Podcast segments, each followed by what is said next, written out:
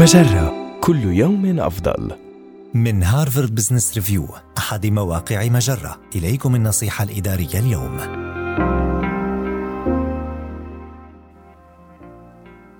طبق هذه المبادئ الثلاثة لجذب انتباه جمهورك في أثناء عرضك التقديمي.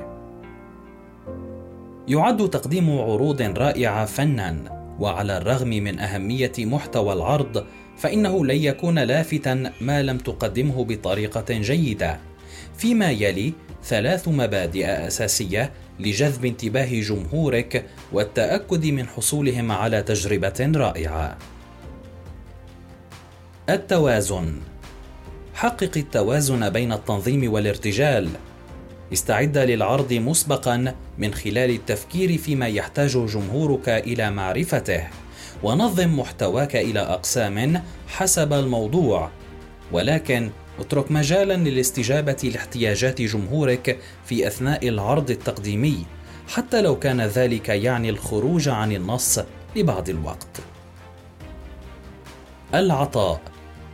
يجب أن يكون هدفك هو تقديم شيء جديد وذي قيمة لجمهورك.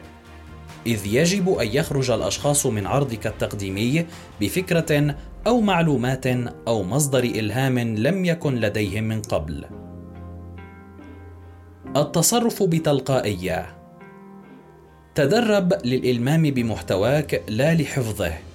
يمكن أن تؤدي المثالية المفرطة إلى نتائج عكسية في الواقع.